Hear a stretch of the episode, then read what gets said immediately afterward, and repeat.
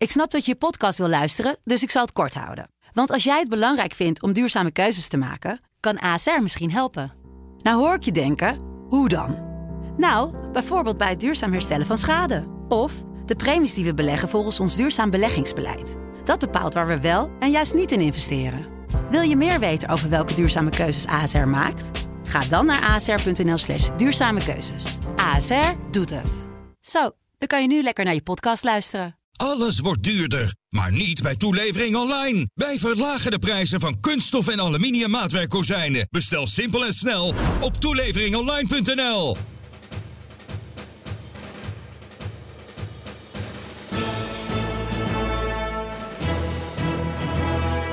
Dit is Delta Tango, de defensiepodcast van de Telegraaf. Waarom moest mijn zoon daar in die vuurlinie liggen en is minimaal gewond geraakt? Terwijl er ook een apparaat is wat je had kunnen kopen, wat ook zijn taak had kunnen doen.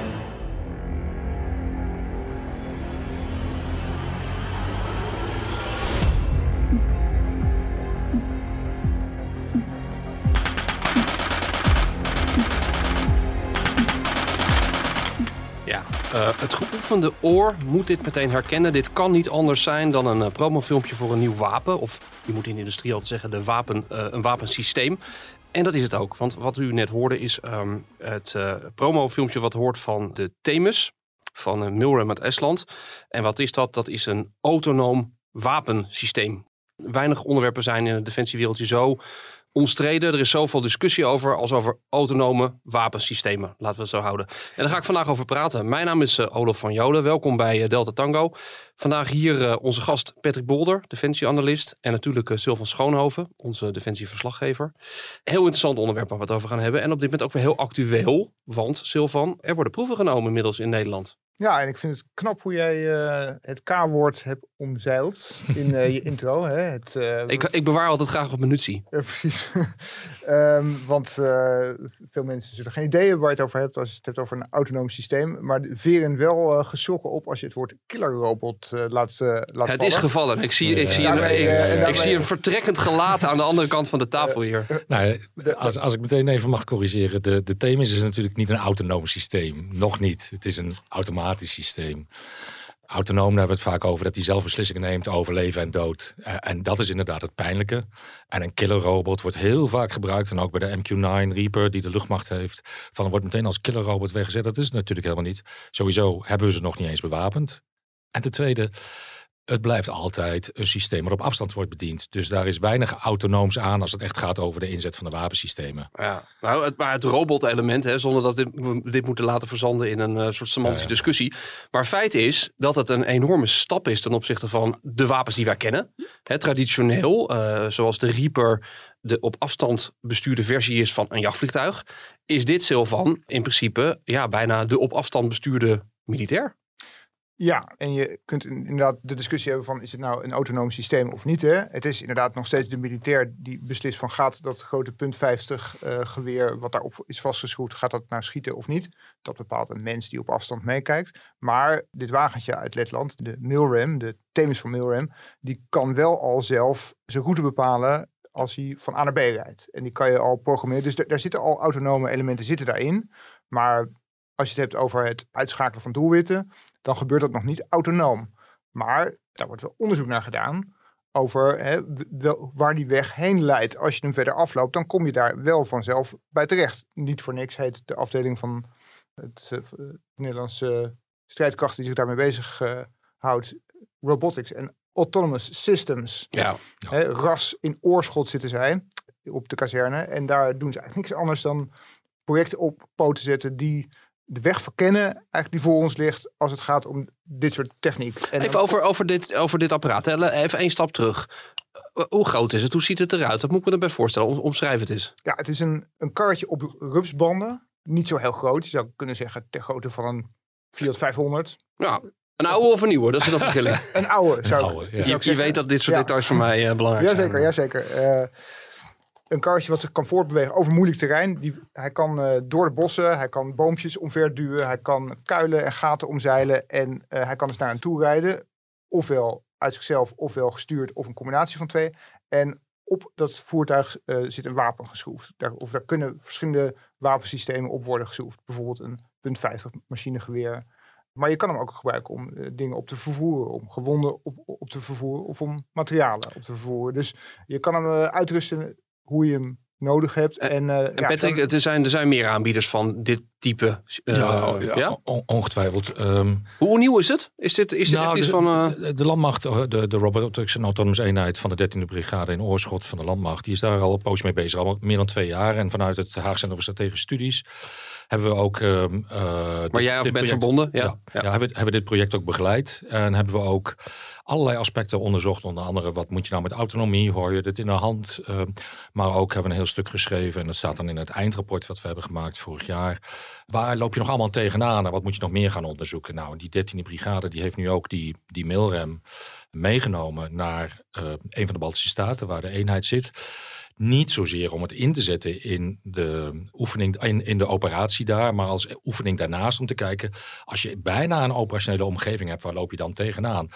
En, um, Lopen ja, we daarmee trouwens voorop? Is Nederland uh, vooraan in, uh, in, in deze ontwikkeling? Of, of, of nou, hobbelen we een beetje achter voor, de Amerikanen voor, of andere bondgenoten aan? Voor zo'n klein landje en, en een kleine krijgsmacht als Nederland heeft, lopen we daar toch redelijk ver vooraan. En dat is ook goed, want straks, ja, dat soort systemen, je zult zien, technologie is altijd aan het evolueren. En in de militaire wereld wil je altijd het modernste technologie hebben. Want als jij een onbemand voertuig naar voren kunt sturen voor een gevaarlijke missie, bijvoorbeeld gevonden ophalen, inderdaad, dat kan je daarmee doen. Ja, dan wil je daar zo weinig mogelijk eigen mensen voor in gevaar brengen. Dus als daar een apparaat is wat een man of vier, vijf vervangt, ja, dan zou je wel gek zijn om het niet in te zetten. Dan is het bijna onethisch om het niet te doen.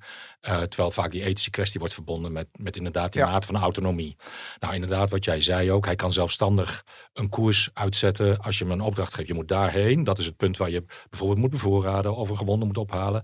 Dan kan hij zelf wel rondom bo grotere bomen heen, kuilen, stenen en dan weer zijn koers oppakken. Maar noem je dat dan autonoom of automatisch? Ja, die hele discussie en die hele definitiekwestie, ja, daar zijn we nog steeds niet helemaal uit. Het is een uh, soort, soort schaal van, van 0 tot 10 hè, eigenlijk. Ja. Uh, je, je, kan denken ja. volledig autonoom of semi-autonoom of een beetje autonoom. Of, hè, ja, voor verschillende volledig, taken ja. kun je zeggen van hier vind ik autonomie zodanig belangrijk uh, dat ik het volledig autonoom laat doen. Ja. En op andere punten vind ik het belangrijk dat ik daar een mens uh, in de loop hou of on de loop hou om toch heel veel controle te houden. Ja, en voor de verschillende taken kan je natuurlijk ook verschillende maten van autonomie inregelen. De Aegis Cruiser van de Amerikanen, die heeft voor haar hele self-defense omgeving ook allemaal verschillende maten van autonomie. En die kan de commandant aanzetten naar, naar uh, behoefte en naar het dreigingsbeeld van dat moment. En dat zul je hier ook eigenlijk zien. Zijn deze uh, type systemen ook al echt, echt operationeel ingezet tijdens missies, zover je weet? Of is het allemaal nog echt testen, proberen? Ik heb het nog niet echt operationeel gezien. Ik kan me voorstellen dat er bijvoorbeeld Israël daar heel ver mee is.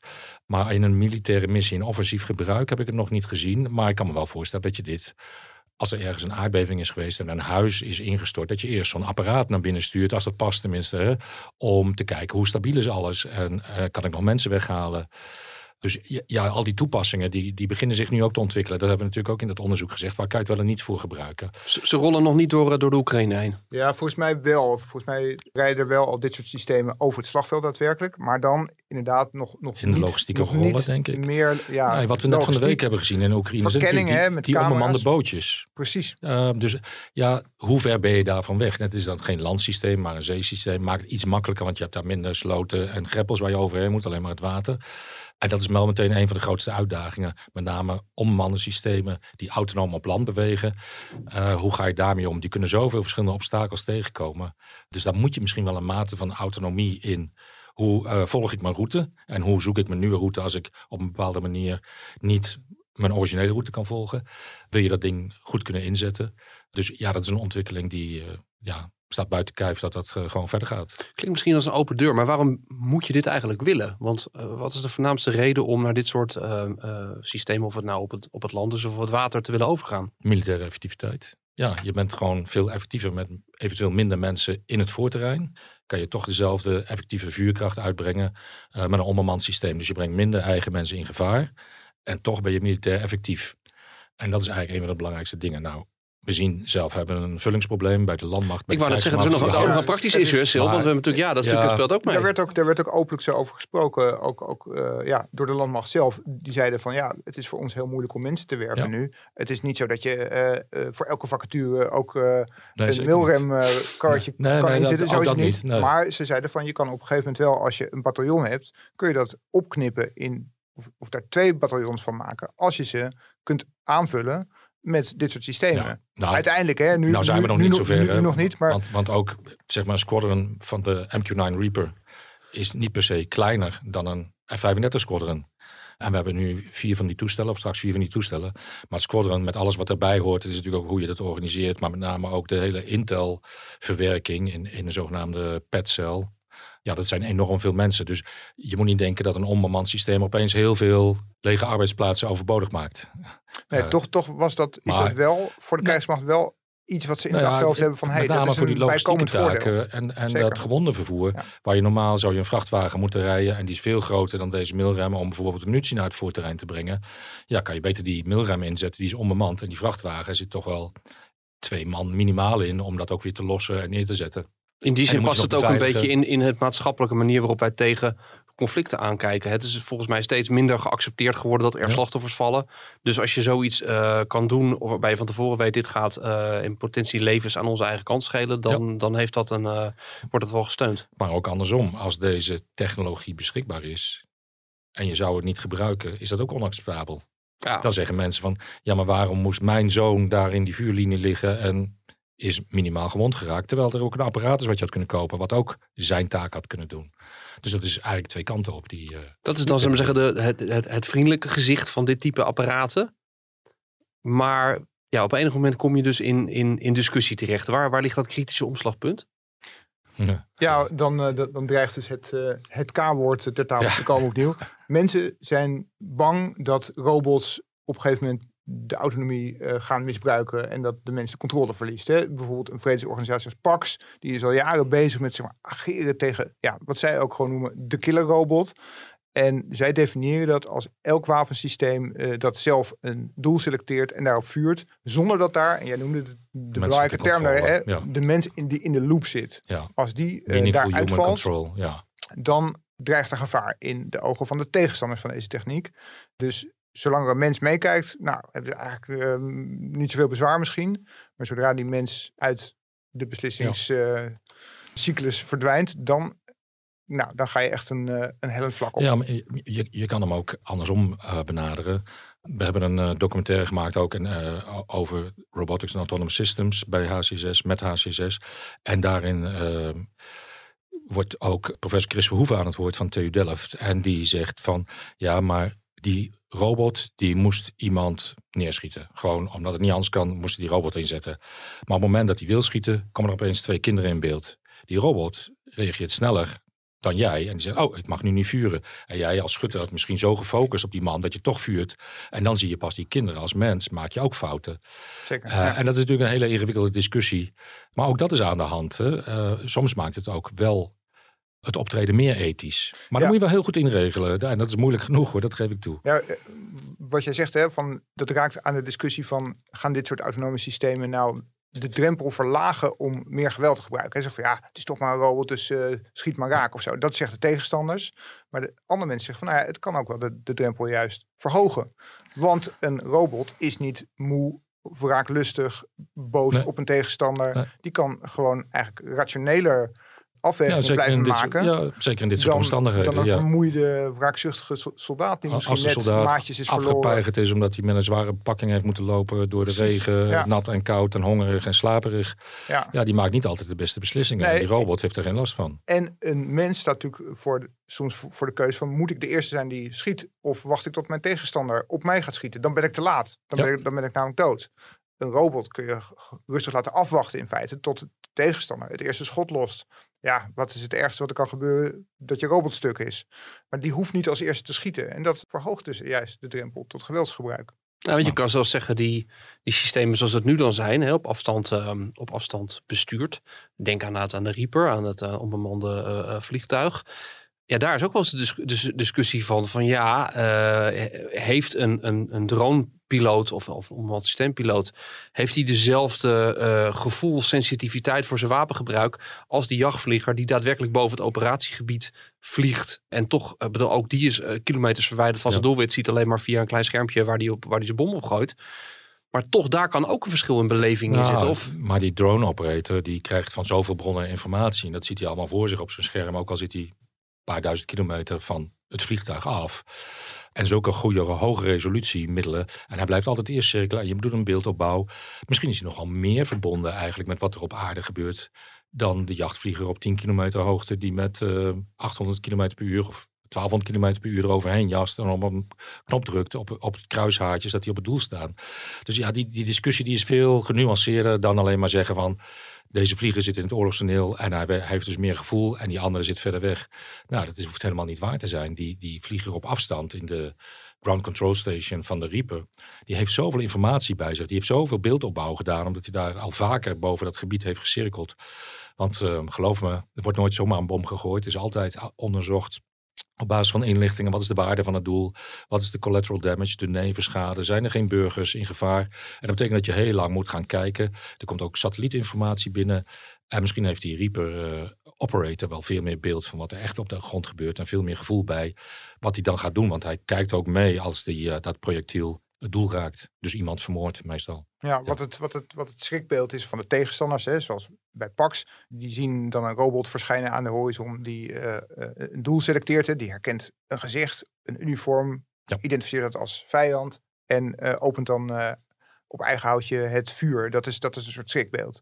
Uh, dat moeten we ook niet goed vinden dat het op die manier nee, gebeurt. Bij de, nou. bij de raseenheid in Oorschotten legden ze me uit van ja, maar dat is een soort helemaal aan het eind van het spectrum. daarvoor zitten nogal tussenstappen. Bijvoorbeeld dat zo'n systeem wel aan doelselectie doet, maar bijvoorbeeld alleen tanks, uh, ja. radarinstallaties kan herkennen en zeggen van oh, dat is een vijandelijke tank of een vijandelijke panzerwagen of een vijandelijke radarinstallatie.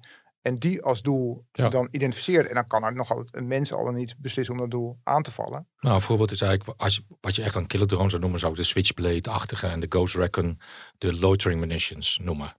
Um, en die vermoorden zichzelf ook. Maar dan kan je inderdaad een, een, geografische locatie, een box opgeven. Van je mag alleen maar binnen deze box uh, jezelf tot ontploffing brengen. Uh, je kan een doelenset opgeven. Je mag alleen maar dit soort doelen. Uh, en daarmee beperk je wel tot legitieme militaire doelen. En blijven dus ook binnen de grenzen van het humanitair oorlogsrecht. Van daar gaat het natuurlijk om. Hè. Kan je met artificial intelligence, met kunstmatige intelligentie, dus met autonome wapensystemen, kan je dan garanderen dat je binnen de grenzen van het humanitair oorlogsrecht opereert. Moeilijk genoeg, maar daarom doen we ook al het onderzoek. En daarom zijn er ook de TU Delft en TNO en NLR mee bezig om dat mogelijk te maken. Juist om militair effectief te zijn, maar ook zo veilig mogelijk voor de eigen troepen op te treden. Wat er zijn natuurlijk duidelijk uh, plekken waar, waarbij je dit ja, natuurlijk nooit kan toepassen. Bijvoorbeeld in Afghanistan, hè, in een situatie waar we daar zaten, waar het, het verschil tussen combatanten en burgers ja. heel moeilijk te maken is, alles door elkaar heen loopt, niks is wat het lijkt. Ja, dat is natuurlijk bij uitstek een omgeving die heel slecht geschikt is voor het voor de, nou, de inzet van autonome wapens. Heel ingewikkeld en daarom is ook die langdurige observatie nodig van, maar wat is dat dan precies voor iemand die vandaag zijn grond staat te bewerken en morgen met een Kalashnikov in de loopgraaf ligt en overmorgen een bermbom begraaft. Dus dat moet je ook echt heel goed volgen.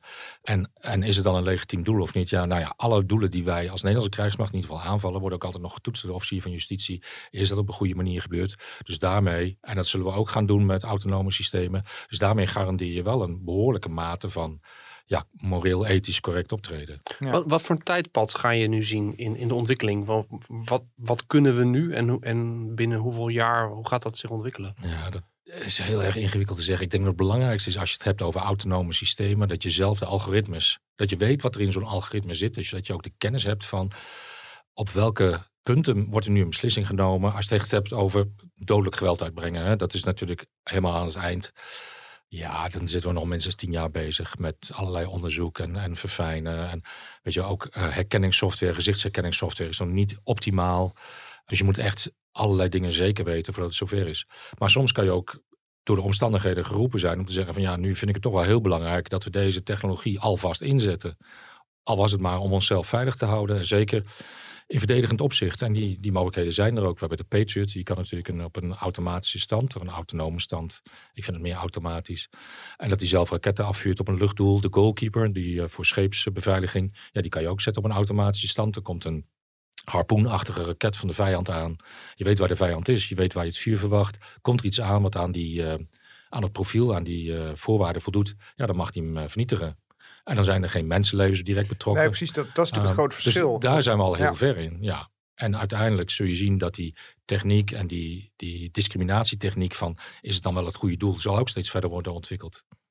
Ja, en in Oorschot zeiden ze ook van, van ja, om hier verstandige beslissingen over te kunnen maken, moet je ook weten waar je het over hebt. Moet je ook onderzoek doen, want de tegenstander, Zeker. die slaat natuurlijk wel dit pad in. Die gaat hier ook onderzoek naar, naar doen. Dus nou ja, je wil niet, wat dat betreft, niet ja. achterblijven. Ja, dat is een beetje vervelend van een wapenwetloop natuurlijk. Dat je, je, je moet eigenlijk mee. En natuurlijk altijd zelf bij om te bepalen van tot hier en niet verder. En hier ligt voor ons de grens. Maar je, je, moet wel onderzoeken wat er kan en ja, wat je daar dan mee wil als land. Ja, ik denk in de, in de geopolitieke uh, competitie waarin we nu zitten, dat er andere landen zijn die minder moeite hebben met humanitair oorlogsrecht. Uh, kijk, de Oekraïne-oorlog, kijk wat Rusland allemaal voor gruweldaden en gewoon oorlogsmisdaden doet nu met bombarderen van burgerdoelen.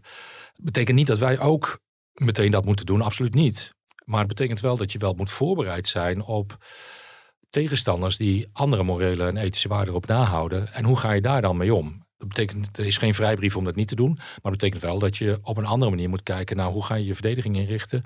En hoe pak ik de vijand aan. En autonomie kan daar heel erg bij helpen. Hoe staan bepaalde vijanden er wat dit betreft voor? Ik uh, bedoel, de Russen, uh, misschien even een conclusie toch wel van, uh, van het Oekraïne-conflict, is dat, dat we wellicht de technologische situatie van Rusland een beetje overschat ja. hebben. Zijn die dus ook niet zo heel ver hierin? Moeten we meer bang zijn voor, voor China wat betreft het ontwikkelen van dit soort systemen?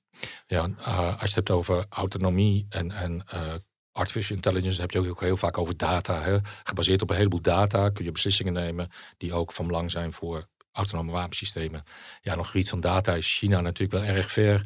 En ook minder uh, voorzichtig als het gaat om mensenrechten. Dat is ook wel gebleken. Dus ja, uh, China is denk ik een grotere gevaar voor ons op dat gebied dan Rusland.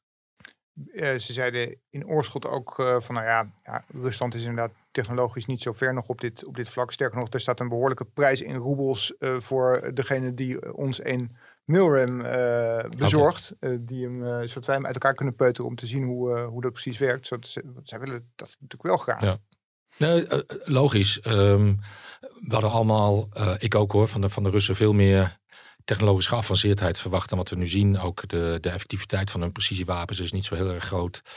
En hun tactiek en strategie is soms ook ondergrondelijk slecht, uh, naar mijn mening. Wat we altijd dachten, het is het tweede leger ter wereld. Na de Amerikanen, dat blijkt toch wel verder op achterstand te zijn. Maar die achterstand, die kunnen ze nu wel heel snel gaan inhalen. Omdat ze zien hoe het Westen opereert. En dat ze zien wat de krachten daarvan zijn. Dus we moeten nu niet zeggen van, uh, nu niet denken van, nou, Rusland is allemaal niet zo sterk. Want ze kunnen niks. Ze zullen dit ook heel erg gebruiken om lessen te leren. Net als wij trouwens. Ja, maar het, is natuurlijk lastig om in een hele snelle tijd uh, nee. technologisch stappen. Zeker als je natuurlijk een nou, ze zijn natuurlijk hebt al... halfgeleiders en chips. Uh, een land, land wat economisch op zijn op gat ja, gaat. Zeker, ja. Maar ze waren al aan het experimenteren met een onbemande tank. De ja. Oeral volgens mij. De slimste tank, het meest geafficheerde. Ja, zo werd hij altijd geafficheerd. Dat, hè? Ja. dat is een grote flop gebleven, gebleken. Ja, ja ze zijn er wel mee bezig. En ja, de Chinezen ook zeker, uh, absoluut. Er wordt wel eens gezegd van ik ben benieuwd hoe jij er tegenaan kijkt. Zo van dat de oorlog van de toekomst, dat dat een oorlog tussen autonome systemen wordt. Waarbij de mens rustig in een leunstoel kan toekijken nou, wie er wint. Nou, dat is waarschijnlijk niet realistisch. Maar hoe, nee. is, is, zit daar wat in? Of is dat een... Nee, de oorlog van de toekomst zal steeds meer gebruik maken van dit soort systemen. Maar uiteindelijk, de kern van de oorlog, de aard van de oorlog zal niet veranderen. Dat is toch eigenlijk pijn lijden. En degene die het meeste pijn lijdt, of de laagste pijndrempel heeft, die zal het eerst opgeven. Dat is toch de belangrijkste les van Oekraïne, hè? dat die oorlog eigenlijk nog ja. veel ouderwetser en, en, en, en nou, ruwer is dan menige gedacht had, toch? Um, we hadden meer integratie van alle domeinen uh, gezien. Uh, tenminste, had ik verwacht, moet ik hmm. zeggen. De Oekraïne zijn natuurlijk begonnen met een hele informatiecampagne aan de voorkant. En, en Poetin en Lavrov die hadden gezegd van er komt geen aanval. We hadden veel meer cyberactiviteit verwacht. Maar de Oekraïners die waren daar al op voorbereid. Dat is wel duidelijk. En ze hebben ook steun gekregen van de Amerikanen om, om daarop voorbereid te zijn en, en weerbaar te maken. En je ziet dat eigenlijk die domeinen, die, die, Russen, die vijf militaire domeinen, ruim, ruimte, informatie, lucht, land en zee. Eigenlijk moet ik de andere volgorde als ouderdom gaat. Maar dat de Russen die slecht weten te integreren. Hun luchtmacht is ook nauwelijks effectief geweest omdat die integratie met de landmacht heel slecht is. Omdat de vliegers weinig uren maakten. Omdat het onderhoud van die Russische vliegtuigen erg duur is. En omdat ze dezelfde vliegtuigen hebben als de Oekraïners. Dus ook bang waren om boven eigen troepen te vliegen. Omdat ja, de gemiddelde infanterist ziet niet zo snel. Is dat nou een Oekraïnse MIG of is dat een Russische MIG? Dus we waren daar ook bang voor. En dat is eigenlijk het grote probleem, dat de Russen slecht in staat waren om die domeinen te integreren. Ik denk dat wij dat beter kunnen. Maar we zijn wel voorbereid op dat soort oorlogen. En uiteindelijk zie je dat de oorlog uiteindelijk toch gaat om mensenlevens. Ja, de Russen hebben denk ik al zo'n 70, 80.000 soldaten verloren. Of zijn in ieder geval uitgeschakeld. En ze blijven maar doorgaan omdat ze er heel veel hebben.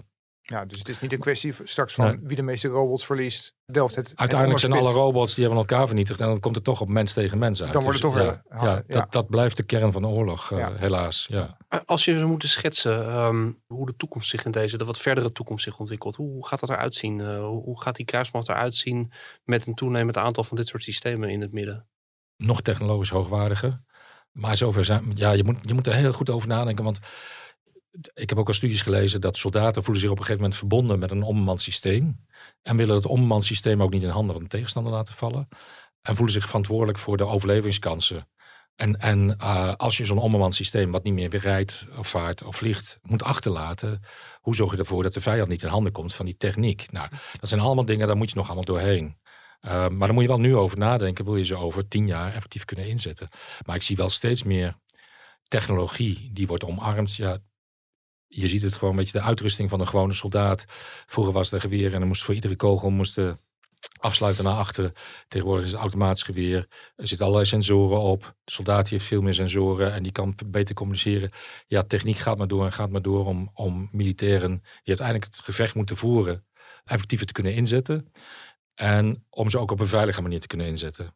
Maar gaat dit uiteindelijk leiden tot, want dat, hè, dat, werd wel, dat hoor je regelmatig opgeworpen worden. Bijvoorbeeld in, het, uh, in de procedure bij de aanschaf van de F-35. Daar werd al geroepen, dit is het laatste bemande jachtvliegtuig. Hè, we hebben het nu over onderzeeboten die vervangen moeten worden. Daar werd ook behoorlijk gelobbyd van, moeten we niet naar onbemande systemen... in plaats van weer uh, een, een onderzeeboot met, uh, met 50, 60 man aan boord op pad sturen. En toch gaat dat gebeuren ja. op, op een overzienbare termijn? Of is dat nog steeds echt niet reëel? Voor een deel zullen we zien dat de, als je het hebt over het luchtdomein, de F-35 zal in het Loyal Wingman concept samenwerken met, met onbemande andere vliegende toestellen. Waarvan die ene vlieger in de F-35 de controle heeft over vier, zes, acht, noem maar op, onbemande toestellen. Die die ook dieper het front in kan sturen, dieper naar de vijand kan sturen, waar hij zelf veiliger blijft.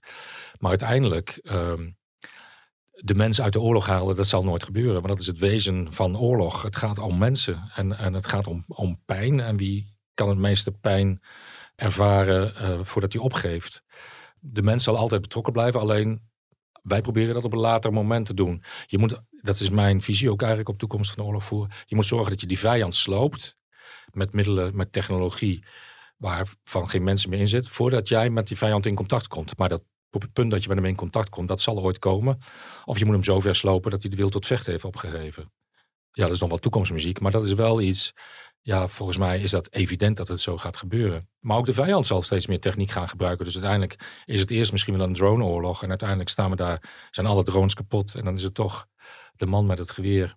En dan gaat het om de motivatie. Die is dan doorslaggevend er zijn misschien ook wel domeinen waar de mens nooit zal verdwijnen. Of, of waar het heel moeilijk voorstelbaar is hoe de mens uh, zal kunnen verdwijnen uit het systeem. Bijvoorbeeld onder water. Hè? Want uh, je kunt natuurlijk wel zeggen van we kunnen een, onderzee uh, vervangen door een, door een drone. Maar je, je zit dan met je communicatie naar dat apparaat. En dat, ja, en, nog ja, steeds een groot probleem. Eigenlijk niet opgelost. Een van de sterke punten van een onderzee is natuurlijk dat er geen radiosignaal uitkomt of, of een ander signaal wat zijn positie verraadt. De, de onderzeeboot met, uh, mensen die met daar, een kabelhaspel van 600 kilometer ja. verlengsnoer is niet echt een, een ja, valide optie. Dankzij nee. de mensen die daar aan boord zijn, die dus daar, daar de beslissingen nemen en niet een van een autonoom systeem wat moet communiceren met een thuisbasis. Ja. ik denk eigenlijk dat ik niet voor een, uh, een betere slotconclusie uh, zou kunnen zorgen. Heren, dankjewel voor deze uitgebreide uitleg over wat toch een heel spannend, we gaven het in de intro aan, een van de meest uh, fel bediscussieerde onderwerpen is van de kruismacht. Dankjewel Patrick Bolder voor je aanwezigheid. Dankjewel Silvan. dit was Delta Tango voor deze week. Bedankt dat u luisterde en we hopen dat het opnieuw de moeite waard was.